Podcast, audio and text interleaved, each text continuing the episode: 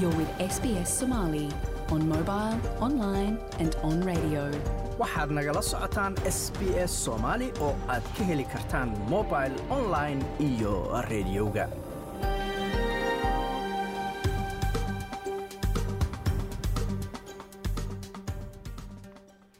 habeen wanaagsan dhammaantiinba meel kastoo aad joogtaan. Waa habeen jimcaha bisha abriilna ay tahay labaatan iyo sideed sanadka halkaad naga dhegaysanaysaanna waa laanta af soomaaliga ee idaacadda s b s oo idinkaga imanaysa stuudiogaanu ku leenahay magaalada melbourne. Magacayguna waa xasan jaamac waxyaalahaad caawa idaacadda ku maqli doontaanna waxaa ka mid ah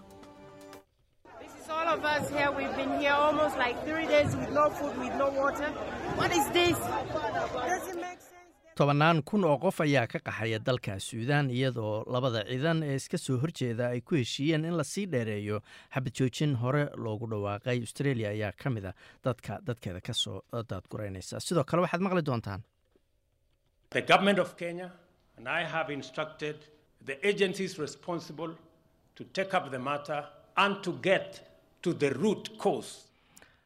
waa madaxweynaha kenya mr ruuto oo ka hadlaya koox diimeed xag jira oo dadkeeda aaminsiisay in haddii ay gaajo isku dilaan ay jannada galayaan ama eh, nebi ciise ay arkayaan. Waxaana dhintay ilaa iyo hadda layidhi dad ku dhow sagaashan. Warbixin ayaad eh, ku maqli doontaan. Sidoo kale waxaad maqli doontaan warbixinteenii eh, wariyaha soomaaliya uu noo soo diray. Marka horese wararka caawana waxaa ugu waaweyn uh, urur u ololeeya arrimaha bii'adda ee green beas la yidhahda ayaa soo dhoweeyay in la xirayo warshad uh, korontada samaysa oo ahayd tii australia ugu daaweyneyd korontadana ka dhalisa dhuxul dhagaxda shacabka australia ayaan isticmaali doonin baa layi credit kaarka marka ay qamaar ku cayaarayaan dhanka online-ka iyadoo dowladdu ay qorsheynayso inay mamnuucdo howlahaasi shaqabixiyayaasha dalkan australia ee isticmaala dadka soo galootiga ee xirfadleyda ee dalka ku soo gala fiisooyinka kumeel gaarka ayaa lagu khasbayaa inay shaqaalahaas mushaarka ay siinayaan uu noqdo ugu yaraan toddobaatan kun oo doolar sanadkiiba laga bilaabo kowda julaay ee sanadkan. Wararkaas iyo kuwo kale ayaad maqli doontaane u diyaar garooba.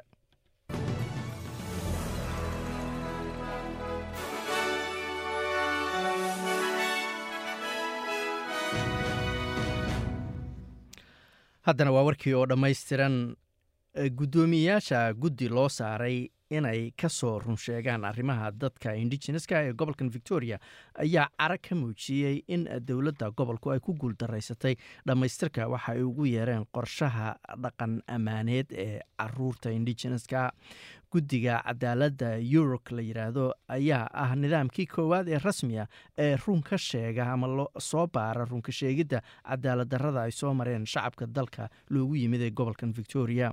Guddiga ayaa hadda wada dhegeysiyo waxa ayna maqaleen ama dhegeysteen in tobankii carruurta indigeneska ee gobolka victoriaba midkood ay dowladdu xanaanayso ama ay gacanta ku hayso qorshe amni dhaqanna uu markaasi khasab ku yahay in caruurtaasi la siiyo qof markhaatiya oo dowladda ka socda waa dowladda gobolka victoria ayaa soo bandhigay in lixdan iyo lix boqolkiiba qorshayaashani markaasi aan weli la dhammaystirin guddoomiye suan hunter ayaa sheegtay intaasi tahay wax aan la aqbali karin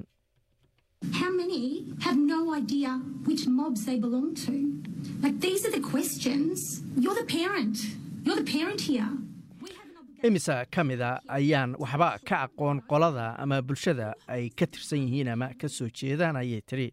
Kuwaas weeye su'aaluhu waalid ayaa tahay bay tiri. Adaa waalid u ah waxayna ka wadaa dowladda oo ay la hadlaysaa. Waajib ayaana naga saaran caruurteena inaannu hubinno inay yaqaanaan cidda ay yihiin. Yaa la xisaabtamaya wasaaradda gacanta ku haysa ayay tiri. Su'aan hunter dowladda federaalka ayaa faahfaahisay qorshe ama daraasad lagu doonayo in lagu ogaado suurtagalnimada in s b s ta waa idaacadda hadda aad naga dhegeysanaysaane loo raro galbeedka magaalada sydney. Guddi fiirinaya arrimaha ama faa'iidada iyo qiimaha ku baxaya in s b s ay ka guurto waa magaalada sydney xaafadda ataman oo hadda xafiiskeedu yahay loona raro galbeedka magaaladaasi arrintan ayaa qiimeyn lagu wadaa ayaa la yidhi. Hadda daraasaddan ayaa sidoo kale waxaa lagu eegayaa in tartan ay galaan markaasi dowladaha hoose ee ku yaalla galbeedka magaalada sydney si markaasi loo doorto xarunta ama meeshii xarun looga dhigi lahaa haddii laysku raaco in aataaman laga raro oo galbeedka magaalada sydney markaasi loo raro arrimahan waxa wararka ugu muhiimsan markaasi ayaa la filayaa in ay soo baxaan sanadka soo socda dabayaaqadiisa iyadoo go'aanka u dambeeyana ay gaari doonaan guddiga sare ee s b s tu urur u ololeeya arrimaha biyaadda ama ururka u ololeeya arrimaha biyaadda ee greenpeace ayaa soo dhoweeyey in la xirayo warshadda korontada samaysa ee australia ugu da-da weyn oo ka samaysa korontada dhuxuldhagaxa. Warshaddan oo la yidhaahdo lidel power station oo ku taala hunter valley ee gobolka new south wales ayaa shaqaynaysay in ka badan konton sano waxaana ka shaqeeya kumanaan qof khubarada caafimaadka ayaa sheegay in xiritaanka warshadan ay faa'iidooyin caafimaad u tahay dadka aaggaasi. Waa meesha warshada ku taala degan maadaama ay yaraanaysa ayaa la yidhi wasaqda ka soo baxda aalad gaar ahaan aaladda meerkuriga sulfarka iyo kuwo kale oo warshadu markaasi ay sii dayso. Glen walker oo ka tirsan greenpeace ayaa sheegay in xiritaankan uu astaan u yahay waqti ama taariikh markaasi soo gunaanaday one of Australia's biggest and dirtiest coal burning power station. tani waa warshadda koronto ee ugu weyn uguna wasakhda badan australia ayuu yidhi ugu dambeyntiina waa la xirayaa waxaana lagu bedelayaa buu yidhi mid samaysa koronto nadiifa oo laga dhaliyo qoraxda iyo weliba dabaysha. Tani waxay yaraynaysaa buu yidhi wasakhda awada lagu sii daayo waxayna yaraynaysaa lacagta ama ay qiimo dhimaysaa lacagta ay dadku ku bixiyaan korontada ama biilasha korontada. Ayaa yaraanaya ayuu yidhi weli halkaad nagala socotaan waa laanta af soomaaliga ee idaacadda s b s shacabka australia. Ayaan u isticmaali doonin baa layidhi credit car inay online qamaar ku cayaaraan. Haddii ay hirgasho qorshe ay dowladdu ku doonayso inay mamnuucdo in kredit kaarada loo isticmaalo qamaarka online-ka ah ama dhanka internetka laga cayaaro. Ku dhowaad labaatan boqolkiiba qamaarka online-ka laga cayaara ayaa loo isticmaalaa baa layidhi kredit kaaro laakiin dowladda ayaa sheegtay inay qorsheynayso inay mariso baarlamaanka sharci taas ka dhigayo sharci darro ama illegal. Wasaaradda adeega bulshada ama wasiiradda andhehe adeega bulshada amanda rishworth ayaa sheegtay in mamnuucidda kredit kaarka ay hore uga jirtay noocyo kale oo qamaarka ka mid a When it comes to things like casinos, pokies, they don't have, uh, the, uh, you're not able to use a credit card for. Marka ay noqoto bay tiri kuwa sida kasiinooyinka oo ah xarumaha lagu khamaarey waaweyn iyo mashiinada lacagta lagu rida ee bokiiska la yidhaahdo ee lagu khamaaro laguma cayaari kara ayay tiri kuwaas laftigooda ama lama isticmaali karo credit car marka waxaan rabnaa inaan taas mid la mida hadda ku samayno khamaarka online-ka ee lacagta la dhigto khamaarka oo credit carka markaas aan loo isticmaali doonin ayay tiri wasiiraddu weli wararka gudaha dalkan australian ku jirnaa shaqabixiyayaasha isticmaala dadka soo galootiga ee xirfadda dalkan ku yimaada oo haysta fiisooyinka kumeel gaarka ayaa lagu khasbi doonaa baa layidhi inay shaqaalahaasi mushaar u siiyaan ugu yaraan toddobaatan kun oo dollar sanadkiiba laga bilaabo kowda julaay tan ayaa qayb ka ah isbeddel ballaaran oo ay dowladdu ku samaynayso nidaamka fiisooyinka dalka. Cadadda hadda ugu yara ee shaqaalaha la siin karo ayaa ah konton iyo saddex kun oo dollar sanadkiiba taas oo soo jirtay baa layidhi muddo ka badan toban sano. Kumanaan soo galooto xirfadley ah ayaa sidoo kale xaq u yeelan doona ayaa layidhi inay helaan deganaansho joogto ah dhammaadka sanadkan wasiiradda arrimaha gudaha dalkan australia claire o'neil ayaa sheegtay in isbeddelkan uu daba socdo dabeegid lagu ogaaday in nidaamka socdaalka dalka ee hadda jira uu yahay mid jahawareer ah oo aad u adag in la maareeyo We have hundreds of visa categories and subcategories. It is a waxaa jira ayay tiri boqolaal nooc oo kala duwan oo fiisooyina iyo kuwaas hoos yimaada waa lambaro saddexa oo si isku qasan bay tiri sida fiisada hal sideed lix hal sideed lix afar fiisada afar eber sideed oo aada u adag bay tiri oo haddaad meel ku qorqorto u ekaanaya ayay tiri baaquli baasta ah oo isku marmaran oo macnaheedu yahay waa wax dhib badan in la maareeyo ayay ula jeedaa fiisooyinkaasi. Mucaaradka federaalka ayaa sheegay inay iyagu taageerayaan qorshe lagu kala khafiifinayo ama lagu fududaynayo nidaamka fiisooyinka afhayeenka arrimaha socdaalka u qaabilsan mucaaradka waa dantian waxaana uu sheegay inuu ka walaacsan yahay yaraanta shaqaale xirfad leh ee dalkan australia.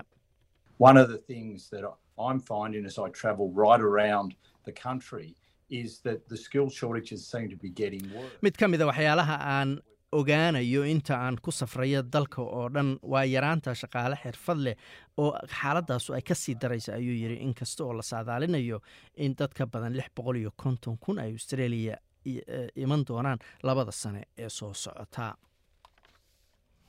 haddana waa wararkii dibadda ee haweeney ku eedeynaysa ama ku eedeysay donald trump inuu ku kufsaday meel dukaana oo ku yaalla new york. Ayaa maxkamad u sheegtay in falgaboodka ninkaasi uu kula kacay ay tahay wax dhacay ee aysan ka been sheegeyn eugene carroll ayaa qareemada donald trump waxa ay weydiiyeen sababta haddii meel dukaana loogu kufsaday ay u qaylin weyday oo markaasi caawimaad ay u raadsan weyday haweenaydan oo qoraa ah ayaa codkeeda kor u qaadaysay maray ka jawaabaysay su'aalahaas iyadoo maxkamadda ku sugan.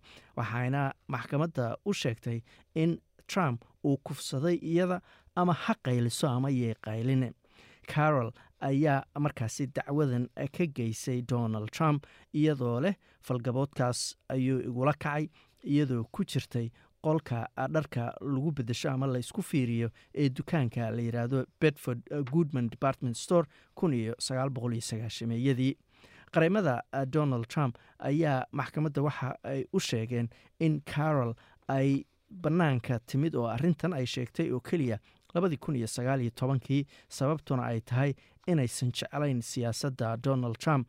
Sidoo kalena ay doonaysay inay iibiso qaybo ka mida ama koobiyo ka mida buuggeeda waa buug ay qortay.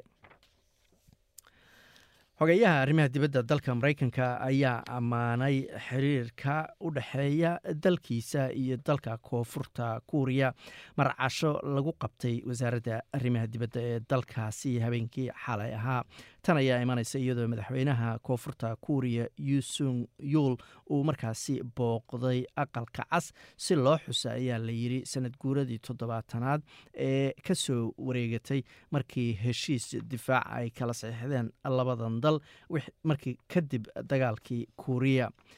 Booqashada mister yung ayaa sidoo kale waxay muujinaysaa ayaa la yidhi inay tahay markii ugu horreysay muddo tobaneeyo sana oo madaxweyne dalkaasi uu booqdo aqalka cad. Casho lagu qabtay aqalka cad ayuu mister yung waxa uu ku heesay qaybo ka mid a hees wadaniya oo la yidhaahdo american pi kadib markii madaxweynaha maraykanka joe biden uu ku casuumay ninkaasu inuu heestaas qaado iyadoo lagu xasuusinayo inay ka mid tahay mid ka mid a heesaha uu ugu jecel yahay saadaasha hawada berita oo sabtiya magaalada bed waa qaybo roob roob ayaa la filayaa xoogaa marka dambe qaadaya. Labaatan digrie adelaide waa roob sidoo kale qaadaya. Labaatan iyo afar digrie melbourne waa roobab labaatan iyo afar. Magaalada sydney sidoo kale waa cadceed baa la filaya labaatan iyo shan digrie magaalada brisbane waa roobab iyo shan iyo labaatan digrie halka australian dollar maanta waxaa lagu sarifayay lixdan iyo lix senti oo lacagta maraykanka ah halkaad nagala socotaan waa laanta af soomaaliga ee idaacadda s b s. Weli waxaa noo soo socda warbixin noo soo diray waryahayaga magaalada muqdisho marka horese dalka suudaan. Weli colaadda halkaas ka socota ayaa sababaysa in kumanaan qof ay dalkaasi ka qaxaan iyadoo dalal badan oo ay doonayaan inay muwaadiniintooda ka saaraan warbixin ku aadan. Wararkii u dambeeyey ee markaasi daadguraynta dadka ajaniibta oo ay ku jiraan dad australiana warbixintan ayaanu idinkaga diyaarinay dalal badan ayaa isku dayaya inay muwaadiniintooda ka daadgureeyaan dalka suudaan iyada oo dagaalku uu dalkaas weli ka socdo ku dhowaad muddo hadda laba toddobaada. Tobannaan kun oo qof ayaa ka qaxaya dalkan iyadoo labada ciidan ee iska soo horjeeda ay ku heshiiyeen inay sii dheereeyaan xabad joojin hore loogu dhawaaqay. Xabad joojinta ayaanse hor istaagin dagaalka sii socda laakiin bilowgii xabad joojinta ayaa u ogolaaday in kumanaan ay isku dayaan inay u qaxaan meelo ammaana iyadoo dalal badani ay isku dayayaan inay muwaadiniintooda kala baxaan dalkaasi saddexda maalmood ee xabad joojinta ee lagu daray ayaa timid kadib wadahadallo diblomaasiyadeed oo ay hogaaminayaan dalalka afrikaanka ah ee dariska la-a suudaan maraykanka u k iyo weliba qaramada midoobay australia ayaa ka mida dalal badan oo isku dayaya inay muwaadiniintooda kala baxaan ama ka daadgureeyaan suudaan. Ku dhowaad toddobaatan australiyaana ayaa si ammaana uga baxay suudaan halka sagaashan kale ay sugayaan in laga daadgureeyo. Waa kan ra'iisul wasaare antony albanisi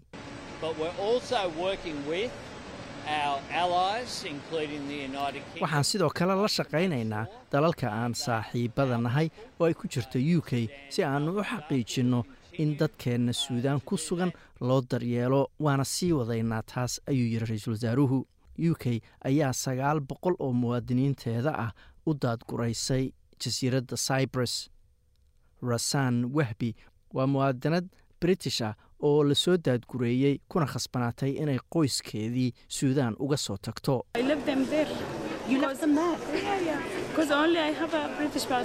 Halkaas ayaan uga soo tegay ayay tidhi weriye ayaa weydiiyey ma halkaasaad uga soo tagtay? Haa haa sababtoo ah aniga keliya ayaa baasaboor british haystay qoyskaygu ma ay haystaan baasaboorka.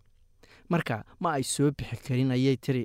Sidee dareemaysaa inaad ka soo tagtay qoyskaagii? ayaa la weydiiyey aad baan uga xumahay ayay tiri aad baan uga xumahay. Dhanka kalena dowladda maraykanka ayaa ku boorinaysa muwaadiniinteeda ku haray inay ka baxaan inta xabad joojintu ay socoto. Afhayeenadda aqalka cad ee dalka maraykanka karin jimbier ayaa sheegtay in dowladdeedu ay geysay ilaalo iyo sirdoon lagu taageerayo dariiqyada daadguraynta ee dhulka iyo weliba cirka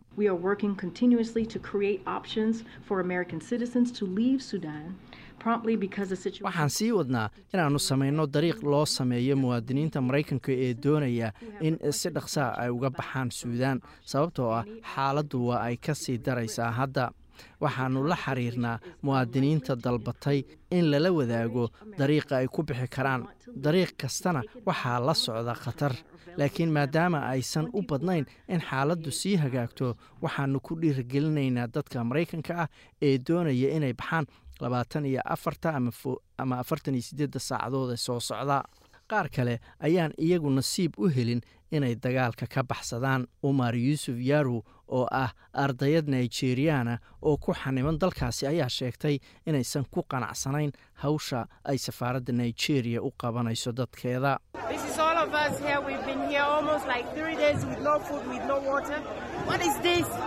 Waxa socda waxa weeye in dhammaanteen halkan aannu joogno saddex maalmood oo cunto iyo biyola'aana ayaannu halkan ku sugannahay. Maxay taha saas seese u dhacday? Macno ma samaynayso inay wax noo qabtaan ayaa la rabay.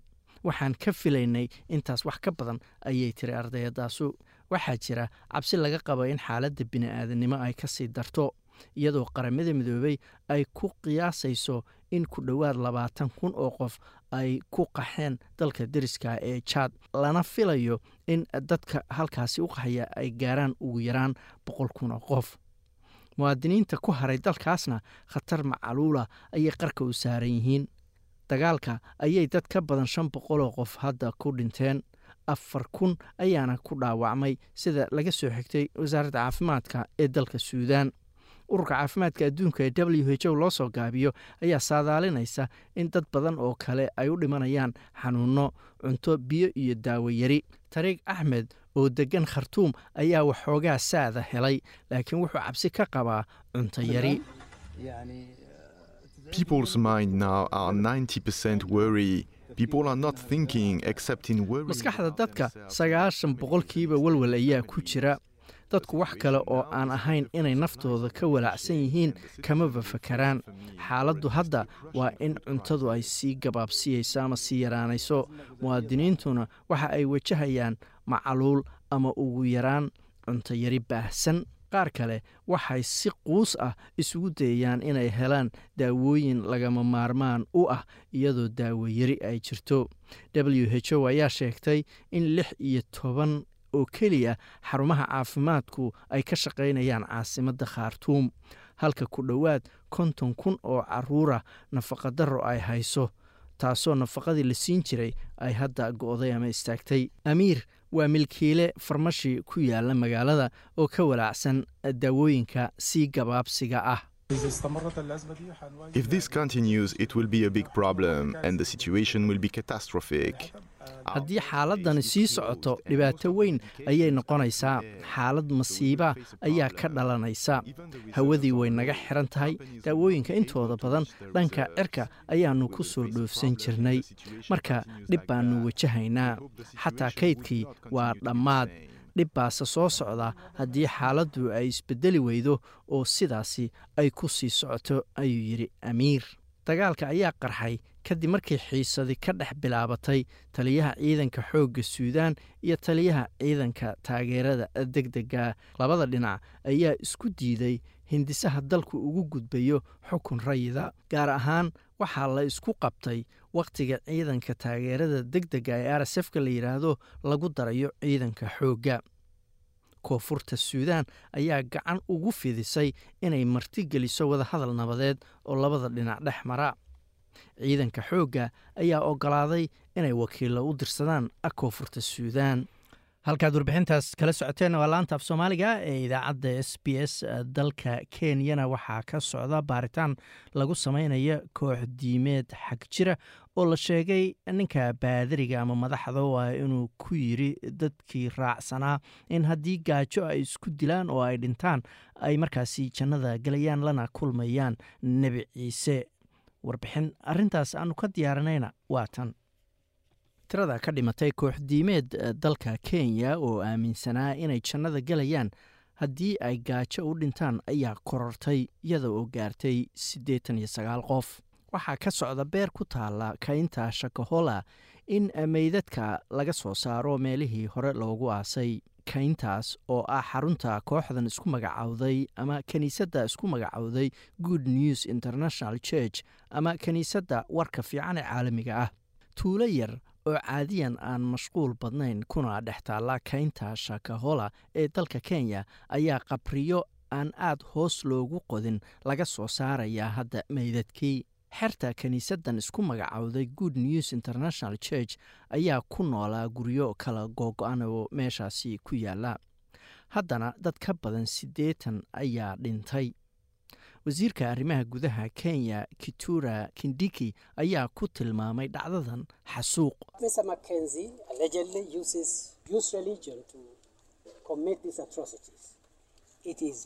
Mr mckensi wuxuu sida la sheegay u isticmaalay diin si uu xasuuq u geysto. Waa wax sahlan in falkan la waafajiyo qeexidda qodobka labaad ee xeerkii ii ee ka hadlayey ka hortagga iyo ciqaabta dembiyada xasuuqa kaasoo hadda qayb ka ah shuruucda dalka kenya ayuu yidhi wasiirku. Madaxweynaha kenya william ruuto ayaa sidoo kale cambaareeyey koox diimeedka isagoo uu ku tilmaamay fal argagixiso waxa ay sameeyeen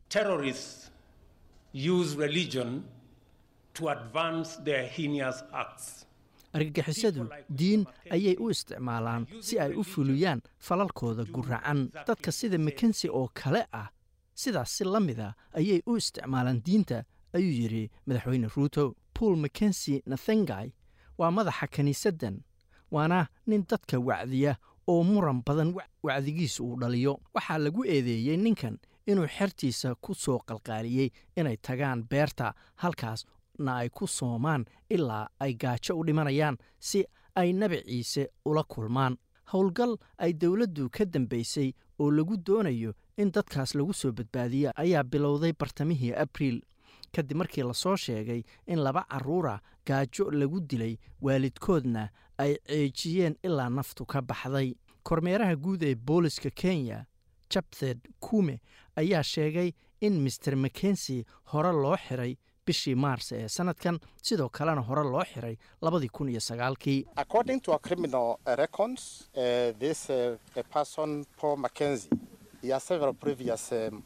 Sida laga soo xigtay xogta diiwaangelinta dembiyada shakhsigan paul makensi dembiyo hore oo kala duwan ayaa u diiwaan gashan oo qaarkood uu galay labadii kun iyo toddobiyo tobankii. Wuxuu sheegay inaysan boolisku ku daba joogin oo keliya paul mckensi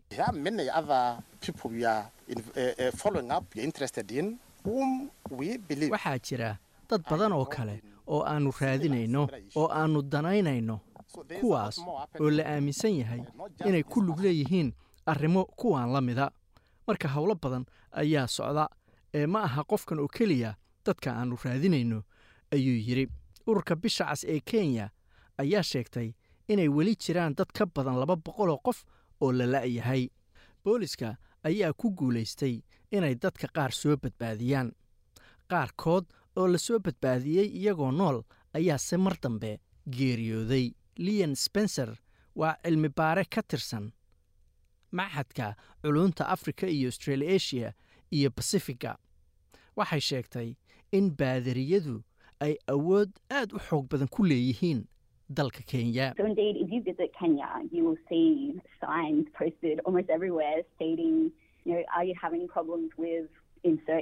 Marka runtii haddii aad booqato kenya waxaad arkaysaa calaamado meel kasta ku dheggan oo leh. Dhib hadduu kaa haysto arrimo lacageed ama xanuun wac baadari hebel ama hebel. Ulama jeedo in dhammaan arrimahaasu ay ku lug leeyihiin kooxadiimeedyo xag jir ah.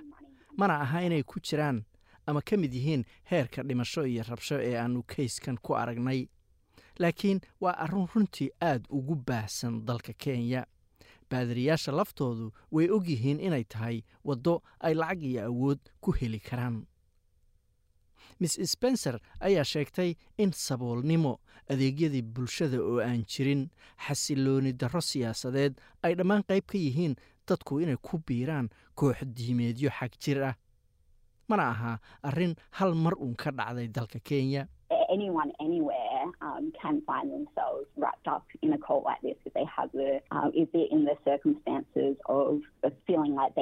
qof kasta wuu dhex geli karaa kuna milmi karaa kooxdiimeed xag jir ah sida tan oo kale. Haddii uu qofku dareemayo ama galo ama uu ku jiro duruufo uu is leeyahay ma jirto meel kale oo aad aadi karto kuu furan. Laakiin iyada oo reer kenya ay masiibadan hadda maskaxda ku hayaan waxay dib u soo celinaysaa xasuusta kays hore oo kooxadiimeed xag jira ay ku lug lahaayeen.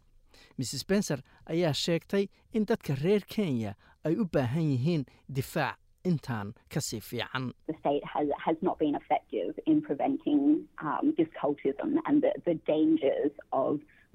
dowladdu wax weyn kama qaban inay ka hortagto kooxdiimeedyada xag jirka ah iyo khatarta ka iman karta kooxa diimeedyahaasi waxaa jira dhowr arrimood oo arrintan saameeyey ama ku lugle tan koowaad xorriyadda diintu waa mid la difaaco. marka ma jiraan wax shuruuca oo lagu xakameeyo kooxahan diimeed laakiin waxaad kaloo ogaanaysaa in baadari ama kooxa diimeedyada xag jirka ah ay inta badan xiriir la leeyihiin siyaasiyiin ama boolis marka saraakiishii dowladda ayayba dhici kartaa inay kooxda ama baadariga aaminsan yihiin ama waxaa dhici kartaa in la laaluushay.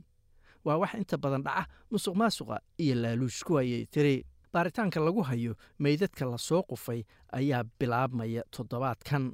Master mckensi ayaa xiran inta baaritaanku uu socdo. Madaxweynaha kenya master ruuto ayaa sheegay in dowladdu daboolka ka qaadi doonto baaritaanka waxaa ka soo baxa xasuuqan.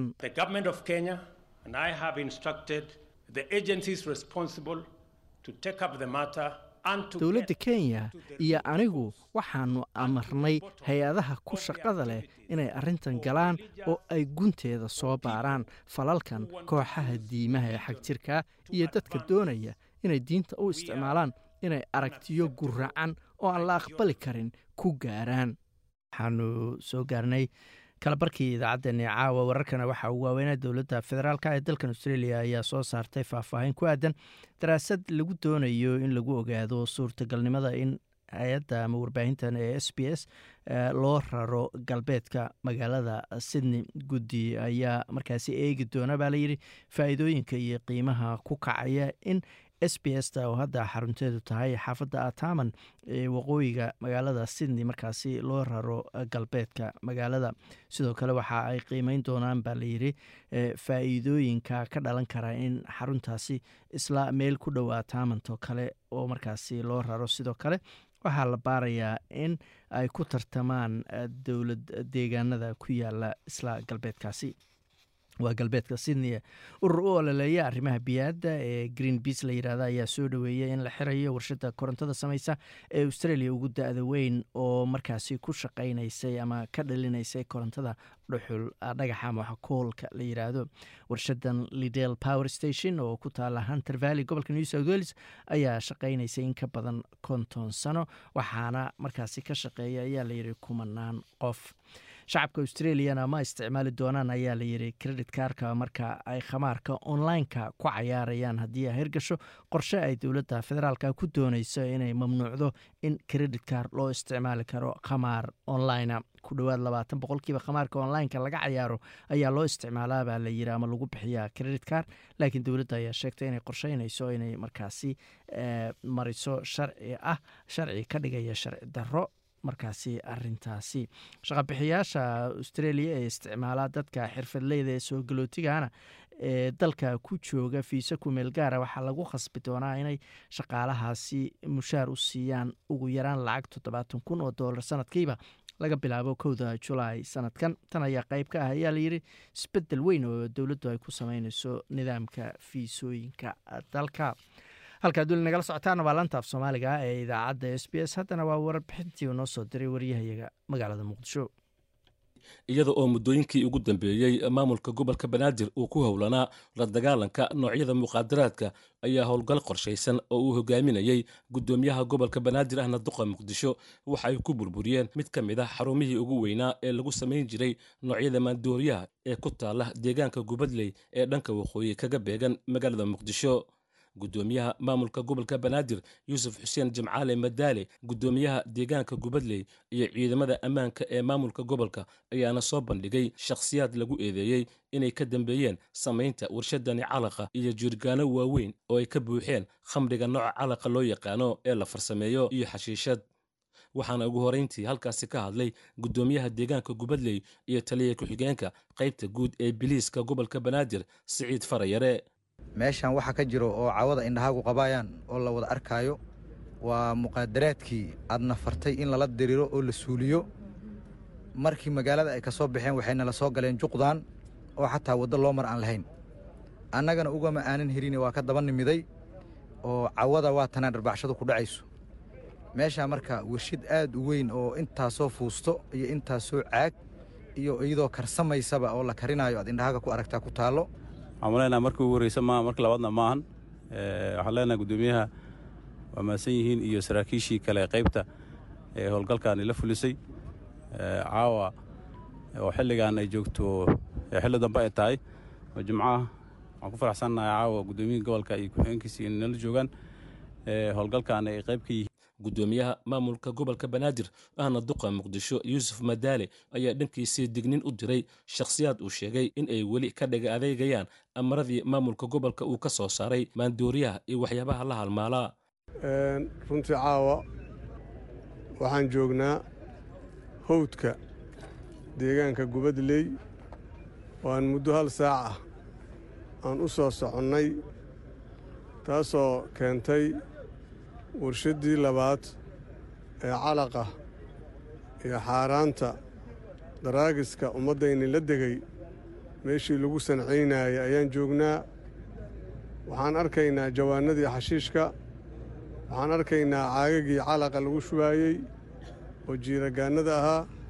Waxaan arkaynaa digsiyacu cusub waxaan arkaynaa iyadoo hadda la karinaayo oo debka saaran runtii waa nasiib darro inay weli ay dadkayna ay daba joogaan nafna ay ka raadinayaan.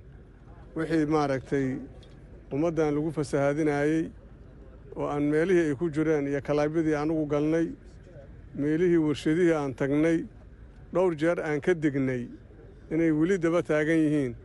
Nasiib wanaag caawa. Guddoomiyaha deegaanka gubadley hadduu cimro ka yimiday marka in ilaahay aqbalay cimradiisii leylatulqadarka ilaahay waafajiyey waxaa ku tusayso asigoo xala soo galay ayuu wixii ugu horreeyey uu la kulmay. Ayaa waxay noqotay warshaddan calaqa ah oo lugtiisa ku soo raadiyey. Asiga iyo guddoomiye waaxeedkiisaba iyo taliyihii qaybta bari iyo taliyihii saldhigga iyo kulli hay'adaha amniga ayagoo wada jiro.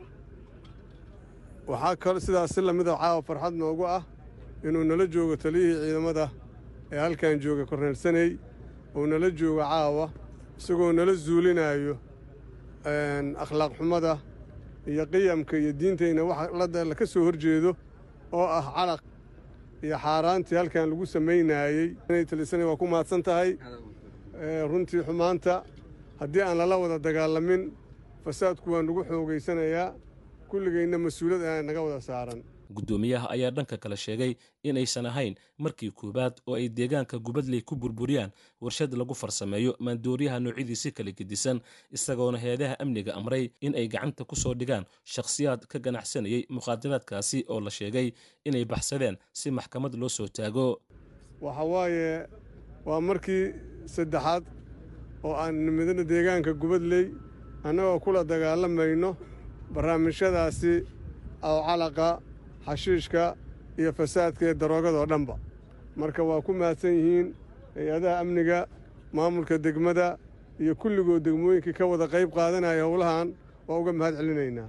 Khaasatan waxaa hadda gacanta lagu haayaa laba baabuur ayay gacanta ku dhigeen. Labada baabuurba haddii ilaah yidhaahdo iyo kuwii calaqa karinaayey dadkii iska lahayna waa noola sheega magacyadooda ayagana waa debageli doonnaa waana la soo qabanayaa inshaa allaahu laga bilaabo saacan hay'adaha amniga waxay amar u qabaan inay baadi goobaan gacantana ku soo dhigaan. Gabadha iyo wiilka magacyadooda hadda noola sheegay. Marka sidaas si la mid ah calaqa meeshaan yaallo qaar ka midana hadda halkaanaan ku daadi doonna aan uga shaqay doonnaa kama tegi doonno annagoon ku hubsannin maaragtay godka aanan ku hubsannin qaarkoodna waa la qaadayaa maxkamadaa lagu saarayaa kuwa gacanta ku haayey maxkamadaa lagu saarayaa. Qaabka sharciga habka sharciga ayagana la marsiinayaa. Waa mahadsantihiin bahda saxaafadda ee saacaddan idin nala joogto oo u soo taagan afar labaatanka saac inay baahiyaan waxyaabaha aan la dagaalamayno oo mukhaadaraadka ah. Waan uga mahad celinaynaa runtii dadaal iyo juhdi badan oo iskaashaday. Soomaalidu waxay tidhahdaa ilka wadajiray wax ku gooyaan ayaa la yidhaahdaa. Wadajirka asiga ahaa hay'adiha amniga iyo maamulkii iskaashigoodii iyo bahda saxaafadda howlahoodii midho dhalkoodii waa muuqdaa. Waxaana rajaynaynaa maalin maalmaha ka mid ah inaan gaari doonno iyadoo laga zuulay ama laga zuuliyey calaqa iyo waxyaabahan mukhaadaraadka ah magaaladan laga zuuliyey ilaahay waana tusi kariyaa. Dhanka kale ciidamada biliiska ee maamulka jubbaland ayaa howlgal ay ka sameeyeen xaafadaha magaalada kismaayo. Waxa ay sheegeen inay ku soo qabteen mukhaadaraad khamri aad u tiro badan iyo xashiishad iyagoona dignin u diray dadka ka ganacsada ee magaalada soo geliya waxyaabahaasi maandooriyaha ah oo ay biliisku la dagaalami doonaan ku-xigeenka taliyaha biliiska ee maamulka jubbaland gaashaanla sare xuseen cali xaashi ayaa warbaahinta uga warbixiyey howlgalkaasi ay ciidamada biliiska sameeyeen. Waad aragtaan agabkan meesha yaalla ee aan soo qabanay ee daraagayska ah ee iskugu jira qamriga iyo xashiishka. Ciidanka booliska dowlad goboleedka jubbaland ayaa xalayta howlgal uu qaaday ku soo qabtay lixdan iyo sagaal xabo oo qamri ah saddex kiilo iyo bar macnaha xashiish ah. Oo dhulka hoostiis weliba macnaha laga soo qoday oo guri inta la keenay la sii aasay oo la qariyey baan daba tagnay. Adigu dabagal dheer oo ciidanka booliska uu dabagalay oo macnaha xogtaas aan aruurinayna maalmahii la soo dhaafo o dhan. Waxaa laga soo qabtay qudbiga jabardi qudbiga jabardi ee dalacadda xaafadda shaqaalahay ka tirsan tahay xilliga la soo qabtay waa shan saac iyo bar. Laakiin waxa aan haynay warbixinteeda iyo dabagalkeeda riboodkeeda aan haynay saddex maalin la soo dhaafay. Ahayd intaas waa ku daba jirnay xilligii imaanaysay xilligii macnaha la keenayey markii saa guri loo geliyey oo saa loo asay waa ka daba tagnay waa soo qaban. Fariinta aan u diraayo dadka hawshaan macnaha caadaystay ee caadaystayaasha ah mar kastana digniinaha laga siiyo. In aanan mar dambe macnaha aan loo dulqaadan doonin intay wax keenaan inay ama si dhuumaaleysi ay magaalada ku soo geliyaan oo kontrabaan ah ama ay damcaan inay iska qariyaan hay'adaha amniga ee dowlad goboleedka jubbaland? Ma dhacayso. Halka aad qadarkaas xaysiinta iyo warbixintii ka horreysay kala socoteen waa laanta af soomaaliga ah ee idaacadda s b s haddana waa warbixin ku saabsan warbixinada deganaanshaha dalka ama fahamka nidaamka dalkan australia sida uu u shaqeeyay warbixintan gaar ahaan waxa ay ku saabsan tahay nidaamka gargaarka deg dega ah. Haddii dhibaato ama shil uu dhaco inta qofka dhakhtarka laga geynaya ama meel caafimaad laga geynaya wixii aad ku samayn lahayd iyo arrimo lamida waxaa loo yaqaano ferest aidka ama gargaarka degdega. Warbixintiina waatan dadka intooda badan weligood ma fishaan ama kuma talagalaan in loo baahdo inay ka jawaabaan xaalad deg dega ilaa ay arintaasi ku dhacdo. Tirakoob la sameeyey ayaa sheegaya in tirada dadka loo tababaray gargaarka deg dega ama waxaa loo yaqaano ferest aid ee dalkan australia ay aada uga yaryihiin dhacdooyinka dhaawaca keena ee u baahda jawaab ama wax ka qabasho deg dega haddaba maxay tahay sida ugu fiican ee loo baran karo gargaarka deg dega ama ferest aidka sannadkii labadii kun iyo toddobiyo tobankii ururka bisha cas ee red cross ayaa ogaaday in australia ay ka mid tahay dalalka adduunka ee tirada ugu yar u tababaran yihiin gargaarka deg dega inkasta oo ku dhowaad nus milyan qof oo dhaawacmay cisbitaalada la jiifiyo sanad walba. Dadkaas oo ay ku jiraan ku dhowaad lix boqoloo kun oo caruura qiyaas ay samaysay hay'adda la yidhaahdo royal life saving society ayaa muujinaysa in celcelis ahaan ay labaatan qof u dhintaan wadnaha oo istaagay maalin walba. Waxay sidoo kale hay'addu ogaatay in lixdan boqolkiiba dhaawacyada u baahda gargaar deg dega ay ka dhacaan guryaha gudahooda. In ka yar hal qof saddexdii shaqaale ah ayaa kalsooni ka qaba inay gargaar deg dega qof siin karaan haddii xaalad deg degii ay ku dhacdo goobtooda shaqada bak reid wuxuu shaqaalaha caafimaadka ee ambalaasyada ka shaqeeya ahaa in ka badan labaatan sano wuxuuna hadda isla maadadaasi ka dhigaa jaamacadda western sydney. Wuxuu sheegay in inkasta oo dadka intooda badan aysan qaadan tababarka gargaarka deg dega haddii aysan shaqadoodu ku khasbin haddana waxaa jira ayuu leeyahay sababo ay u fiican tahay in dadku ay tababaradaasi qaataan.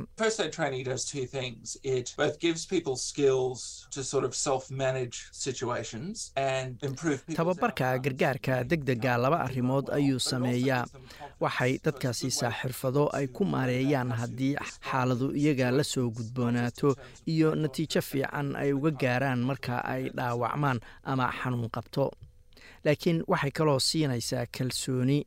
Marka waa dariiq fiican oo dadku ku bartaan sida looga jawaabo haddii xaaladii ay la soo gudboonaato oo aan ahayn oo keliya fidinta gargaar rasmiya ee waxay kaloo u fiican tahay inaad xataa maskixiyan diyaar u tahay. Koorsooyinka gargaarka deg dega waxay dadka baraan aasaaska waxa aad samayn lahayd haddii xaalado deg dega ay ku soo maraan iyo sidaad u daaweyn lahayd dhaawacyada kala duwan master reid ayaa sheegay in ujeeddadu tahay in qofka dhibku ku dhacay uu heli lahaa fursad weyn oo wax looga qabto ama uu u badbaado. Ka hor inta uusan helin adeega caafimaad ee shaqaalaha caafimaadka bartay ay siinayaan.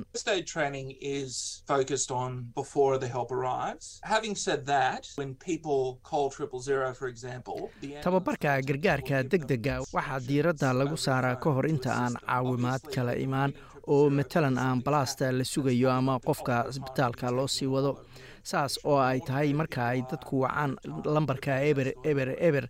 Tusaale ahaan dadka qabta telefoonku waxay ku siinayaan tilmaamo ay kugu caawinayaan oo waxa ay ku farayaan ama ku sheegayaan wixii aad samayn lahayd. Dabcanna marka aad wacayso eber eber eber oo ah marka wax dhacaan ma aha wakhtiga ugu fiican ee qofka macluumaad badan oo cusub la siiyo waxaa fiican inuu qofku hore u diyaarsanaa runtiina haddii qofka dhaawac culus uu soo gaaro ama aad u xanuunsado waxaan rabi lahayn in dadku markiiba tallaabo qaadaan ka hor intaaysan ambalaasto imaan ayuu yidhi. Koorsooyinka gargaarka deg dega waxaa dadka lagu baraa siday u samayn lahaayeen. Neef celin waxaa la yidhaahdo oo ah in qofka xabadka laga riixo si qofka dhiiggiisa jirka oo dhan uu gaaro uuna oksijiin u helo. Hawshaas oo loo soo gaabiyo c p r waxaa sidoo kale la baraa qofka sida loo isticmaalo qalabka la yidhaahdo defibrilator oo isna qofka neefta lagu soo celiyo. Labadan ayaa ugu muhiimsan in qofka naftiisa loo badbaadiyo iyo marka qofka neeftu ku dhegto ama wadnuhu istaagayo maer reid ayaa sheegay in tababarka neef celinta ama c p r-ka looga baahan yahay inuu raaco ama waafaqsanaado habraacyada golaha nafcelinta australia oo a r c loo soo gaabiyo. A r c ayaa ah dallada midaysa hay'adaha maamula oo shuruucda u dejiya habraacyada ugu fiican ee gargaarka degdega. Waxayna ka kooban yihiin labaatan urur oo ay ku jiraan ururo ay ka mid yihiin college of emergency medicine the council of ambulance authorities and royal life saving. ARC guidelines represent the best available evidence for different first aid interventions. habraacyada a r c waxay matalaad u yihiin caddaymaha ugu fiican ee hadda jira ee la xiriira sida loo fuliyo gargaarka degdega waana waajibaadka a r c inay abuurto habraacyo midaysan si ururada dadka bara gargaarka degdega ay si sahlan u soo xigan karaan caddaymaha u dambeeya ee jira. Marka dadku waa inay og yihiin in koorsooyinku yihiin kuwo ku socda talooyinka a r c. Dor finley macneil waa dhakhtar waxqala sidoo kalena shirgudoomiye guddi hoosaadka gargaarka degdega ee golayaasha nooleynta australia iyo new zealand wuxuu sheegay inay jiraan ururo badan oo bixiya tababarada gargaarka degdega ah St John is, numerically speaking, the largest teacher of first aid in Australia and in New Zealand, but there are multiple other teachers of first aid. St john ayaa markaa tira ahaan loo hadlayo leh macalimiinta ugu badan ee gargaarka degdega ka dhiga australia iyo new zealand laakiin waxaa kaloo jira macalimiin kale oo gargaarka degdega dadka bara. Red cross ayaa tusaale kale oo fiican ah. Waxaa kaloo jira surf life saving iyo royal life saving. Dhammaantood waxay dadka baraan gargaarka degdega ama first aid waxaa la yidhaahdo gobollada qaar iyo hay'adaha ambalaasyada waxay dadka bari jireen gargaarka degdega qaarkoodna weli waa ay baraan. Waxaa sidoo kale jira shirkado ama dad gaara oo u diiwaan gashan inay bixiyaan tababaradan. Waa kan mar kale dor macneil Teaching um, shirkad kasta oo gaar loo leeyahay oo bixisa tababarka gargaarka degdega oo u diiwaan gashan sidii urur tababar waad tegi kartaa oo waad ka baran kartaa. Waa inaad u tagto urur la aqoonsan yahay oo u diiwaan gashan inuu tababarkaasi bixinayo. Inkasta oo koorsooyinka tababarka gargaarka degdega dadku lagu baro foolka fool qaybo waxaa jira online-ka laga baran karo. Deb low waxay arrimaha gargaarka degdega u qaabilsan tahay ururka bisha cas ee magaalada brisbane. Waxay sheegtay in koorsooyinka tababarka oo qaabab kala duwan loo bixiyo ay haqabtirayso baahiyaha waxbarasho ee kala duwan of the benefits to having a blended online component is that it allows you to do this at your time and your own pace, which is important. waxay ila tahay in faa'iidada ah inay jirto qayb online-ka lagu barto ay tahay inay kuu oggolaanayso inaad wakhtiga iyo meesha adigu aad rabtid oo kugu habboon aad ku baran karto taas oo muhiim u ah dad badan oo wakhti dheeraada u baahan oo ay macluumaadkaas oo dhan ku fahmaan miss low ayaa intaa ku dartay in waalidiintu ay helaan fursad ah inay tababaro u gaara oo gargaarka degdega siin karaan caruurtooda.